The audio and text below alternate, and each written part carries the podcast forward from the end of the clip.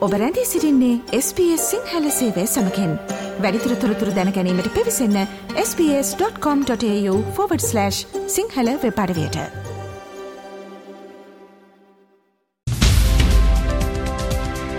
මවබිමින් පුවත්. ඔස්ට්‍රේලියාවේ අද උදැස්ස නවද විට ශ්‍ර ලංකාවෙන් වාර්තාාවන ප්‍රධානතම පුවත් කිහිපය මෙන්න. අද ඔක්තොම්බර් මාසේ දහතුන් වනදා ඊයේ දිනෙත් ශ්‍රී ලංකාවේ සිදුවීම් දෙස අපේ අවධානයමු කරන්න සූදානම් මෞබිමෙන් පුවත් විශේෂාන්ගයෙන්. සමග ජනබලවේගේ පක්ෂ සාමාජිකත්වය හෝසි කරපු මනුෂනානයක්කාර සහ අරින් ප්‍රනාාන්දු කියන අමාත්‍යවරුන් මේ තීරණය බල රහිත කරන්න කියලා ඉල්ලලා ඉදිරිපත් කරපු පෙත්සම් විභාග කිරීම ඊයේ දවසේ ආරම්භ කරා. ඒ අනුව ජනාධිපති නීතිඥ ෆයිස මුස්තාෆා මනුෂනානයක්කාර අමාත්‍යවරය වෙනුවෙන් පෙනී හිටිය. ඕ අධිකරණය කරුණු දක්වල කිව්වේ තමන්ගේ සේවාදායකයාගේ පක්ෂ සාමාජිකත්වය ඉවත් කිරීමට සමග ජනබලවේගේ ගත්තු තීරණය සම්පූර්ණයෙන්ම නීතියට පටහැනි. පක්ෂේ ව්‍යවස්ථාවට අනුව සාමාජිකයෙක් නිරපීමේ බලය තියෙන කෘත්‍යාධිකාරී මණ්ඩලයට ඒ හින්දා පක්ෂයේ විනය කමිටුවට හරි පක්ෂ නායකත්වයට හරි සමාජිකත්වය අහිමි කරන්න බලයක් නැහැ කියලා ඔවුන් අධිකරණය හමුවේ කරුණු දක්වමින් සඳහන් කළා.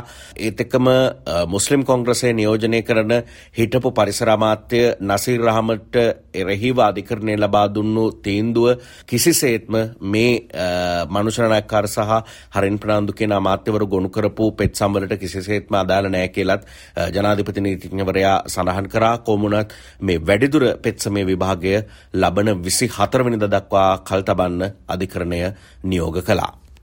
ඉදිරියේ පැවැත්වෙන මැතිවරණ පිළිබඳව මාධ්‍යවේදීන් මන්ත්‍රීවරුන්ගෙන් ඇමතිවරුන්ගෙන් ප්‍රශ්න කිරීම් සිද්ධ කරනවා මොකද ඇතැම් වෙලාවට මැතිවරණ සඳහා සූදානම් වෙනවා තියෙන මැතිවරණය වෙනත් එකක් කියලා මන්ත්‍රීවරුන් සහ ඇමතිවරුන් අදහස් පල කරනවා ඊළඟට තියන්න නියමිතයි කියන ජනාධිපතිවරණය සම්බන්ධයෙන් විමල් වීරවංශ හිටපු අමාත්‍යවරයා පල කරපු අදහසක්. දැන් ජනාධිපතිවරණ සූට් මහගෙන කට්ටිය දැන් ඉන්නවා. හැබැයි ඒගොල්ලෝ දන්නේ නැහැ ඡන්දෙ තියයිද කියලා. පළාත් සභා ඡන්දෙකුයි පළාත් පාලන ඡන්දෙකුයි අතුරුදහන් කරන්න පුළුවන් වුණා නම් මේ රනිල් වික්‍රමසිංහට ජනාධිපතිවරණයක් අතුරුදහන් කරන්න බැරි වෙයි කියලා අපි හිතන්න ඕනෙත් නැහැ. ශ්‍රී ලංකාවට ඖෂධ ඇනවුම් කිරීම ලබා ගැනීම පිළිබඳව ගැටලුකාරී තත්ත්ව කිහිපයක් තිබුණා. එකක් බාල ඖෂධ කියන ප්‍රශ්නය කල්ලිකුත්තු ඖෂධ සම්බන්ධ ගැටලු ඖෂධ භාවිත කිරීම නිසා රෝගීන්ට ඇතිවුණු සංකූලතා මේ පිළිබඳව සමාජයේ ලොකු කතිකාවක් තිබුණා.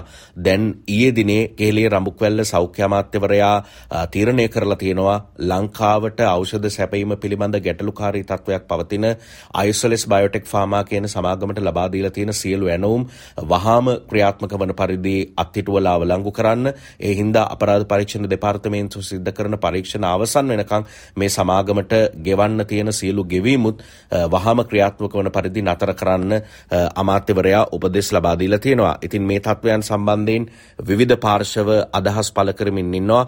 අපි දැක්ක ඊයේ දිනේ මේ පිළිබඳව අදහස් පළ කළා වෛද්‍ය හා සිවිල් අයිතිවාසිකම් පිළිබඳ වෛද්‍යවරුන්ගේ වෘත්තීය සමිති සඳහානේ සමාජිකයින් චමල් සංජීව වෛද්‍යවරයා ඒ පිළිබඳව පළ කරපු අදහසක් මේ. මේ කියන සමාගම තමන්ගේ ප්‍රසම්පාදන ක්‍රියාවලියේදී මේකට සම්බන්ධ වෙන බව සඳහන් කරමින් ලිපියක් නිකුත් කරනවා. එම ලිපියේ අත්සන් කරන්නේ සෞඛ්‍ය අමාත්‍යාංශයේ ලේකම්වරයා. ඊට පස්සේ මේ සමාගමට අදාළ උපදෙස් ලබා දෙමින් urgent and important යන ශීර්ෂය යටතේ මේ ලිපිය නිකුත් කරන්නේ සෞඛ්‍ය අමාත්‍යාංශයේ ලේකම් ජනක ශ්‍රී චන්ද්‍රගුප්ත. මේ ලිපිය ඔහු 6 දිනකට යොමු කරනවා අතිරේක ලේකම් ප්‍රසම්පාදන සෞඛ්‍ය සේවා අධ්‍යක්ෂ ජනරාල් අසේල ගුණවර්ධන නියෝජ්‍ය සෞඛ්‍ය සේවා අධ්‍යක්ෂ ජනරාල් වෛද්‍ය සැපයුම් අධ්‍යක්ෂ වෛද්‍ය සැපයුම් එවැගේම තමයි රාජ්‍ය ඖෂධ සංස්ථාවේ එවකට සභාපති සහ ඖෂධ නියාමන අධිකාරියේ විධායක අධ්‍යක්ෂ. ඒතකොට ඒ හය දෙනාටත් මේ ලිපිය සම්බන්ධ වගකීමෙන් කිසිසේත්ම ගැලවෙන්න පුළුවන් කමක් නැහැ. ඊ타මත්ම පැහැදිලිව සෞඛ්‍ය ලේකම්වරයා ඔවුන්ව දැනුවත් කරමින් තමයි මේ අමාත්‍යාංශ ලිපි ශීර්ෂ යටතේ මේ සමාගම සමග ගනුදෙනු කරන්නේ. ඒ නිසා මෙතන සෞඛ්‍ය අමාත්‍යාංශයේ ලේකම්වරයාට ඒ අදාළ සමාගම සමග ඍජුව ගනුදෙනු කරපු ඔහුට මේ කියන කූට ලේඛන සකස් කරලා සිදුවෙච්ච ගනුදෙනුවෙන් ගැලවෙන්න පුළුවන් කමක් නැහැ. විශේෂයෙන්ම සමාගම් බාල ඖෂධ ගෙනෙන්න මැදිහත් වුණු ආකාරය සහ ඒ සම්බන්ධයෙන් තමන් සතු තොරතුරු පිළිබඳව සජිත් ප්‍රේමදාස විපක්ෂනායකවරයත් ඊයේ දිනේ අදහස් දැක්වීම සිදු කළා. හොරපාරෙන් ලියාපදිංචි නොවූ හොරබෙහෙ ගෙන්නන තවත් හොරකමක් රටට හෙළිදරව් වෙලා තිබෙනවා. රෙටුක්සිමා කියන ඖෂධය. මේක ලබා දෙන්නේ ස්වයං ප්‍රතිශක්ති කරන රෝග තිබෙන ගිලන් වෙච්ච ප්‍රජාවට. පිළිකා රෝගවලින් පෙළෙන රෝගීන්ට. දැන් බලන්න පිළිකා රෝගීන්ට ලබා දෙන මේ බාල ඖෂධයක් ගෙනෙන්නට කොහොමද මේ හොර ඖෂධ මාෆියාවට හැකියාව ලැබිලා මේ ක්‍රියාවලියට අනිවාර්යෙන්ම රාජ්‍ය අනුග්‍රහයක් ලැබිලා තිබෙනවා. ඊයේ දිනේ ශ්‍රී ලංකාවේ ප්‍රේක්ෂක රසික රසිකාවන්ට ඉතාම කනගාටුදායක දිනයක්. ශ්‍රී ලංකාව වෙනුවෙන් කලකින් බිහි වූ අග්‍රගන්නේ කලාකරුවෙකුගේ නික්මයාම ජැක්සන් ඇන්තනේ කලාකරුවාගේ නික්මයාම ඊයේ දිනේ සිදු වුණා.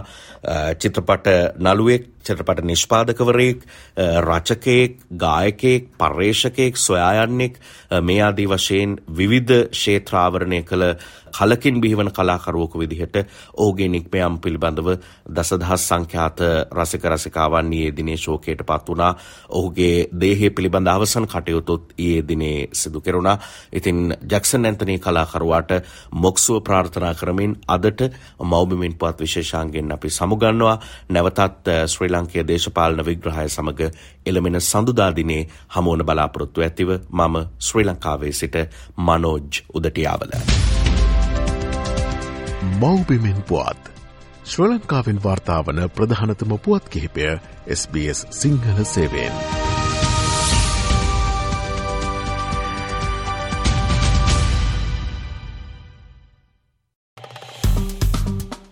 ලයි කරන්න ෂයා කරන්න අදහස් ප්‍රකාශ කරන්න SBS සිංහල ෆස්බුක් පිටුව ෆලෝ කරන්න.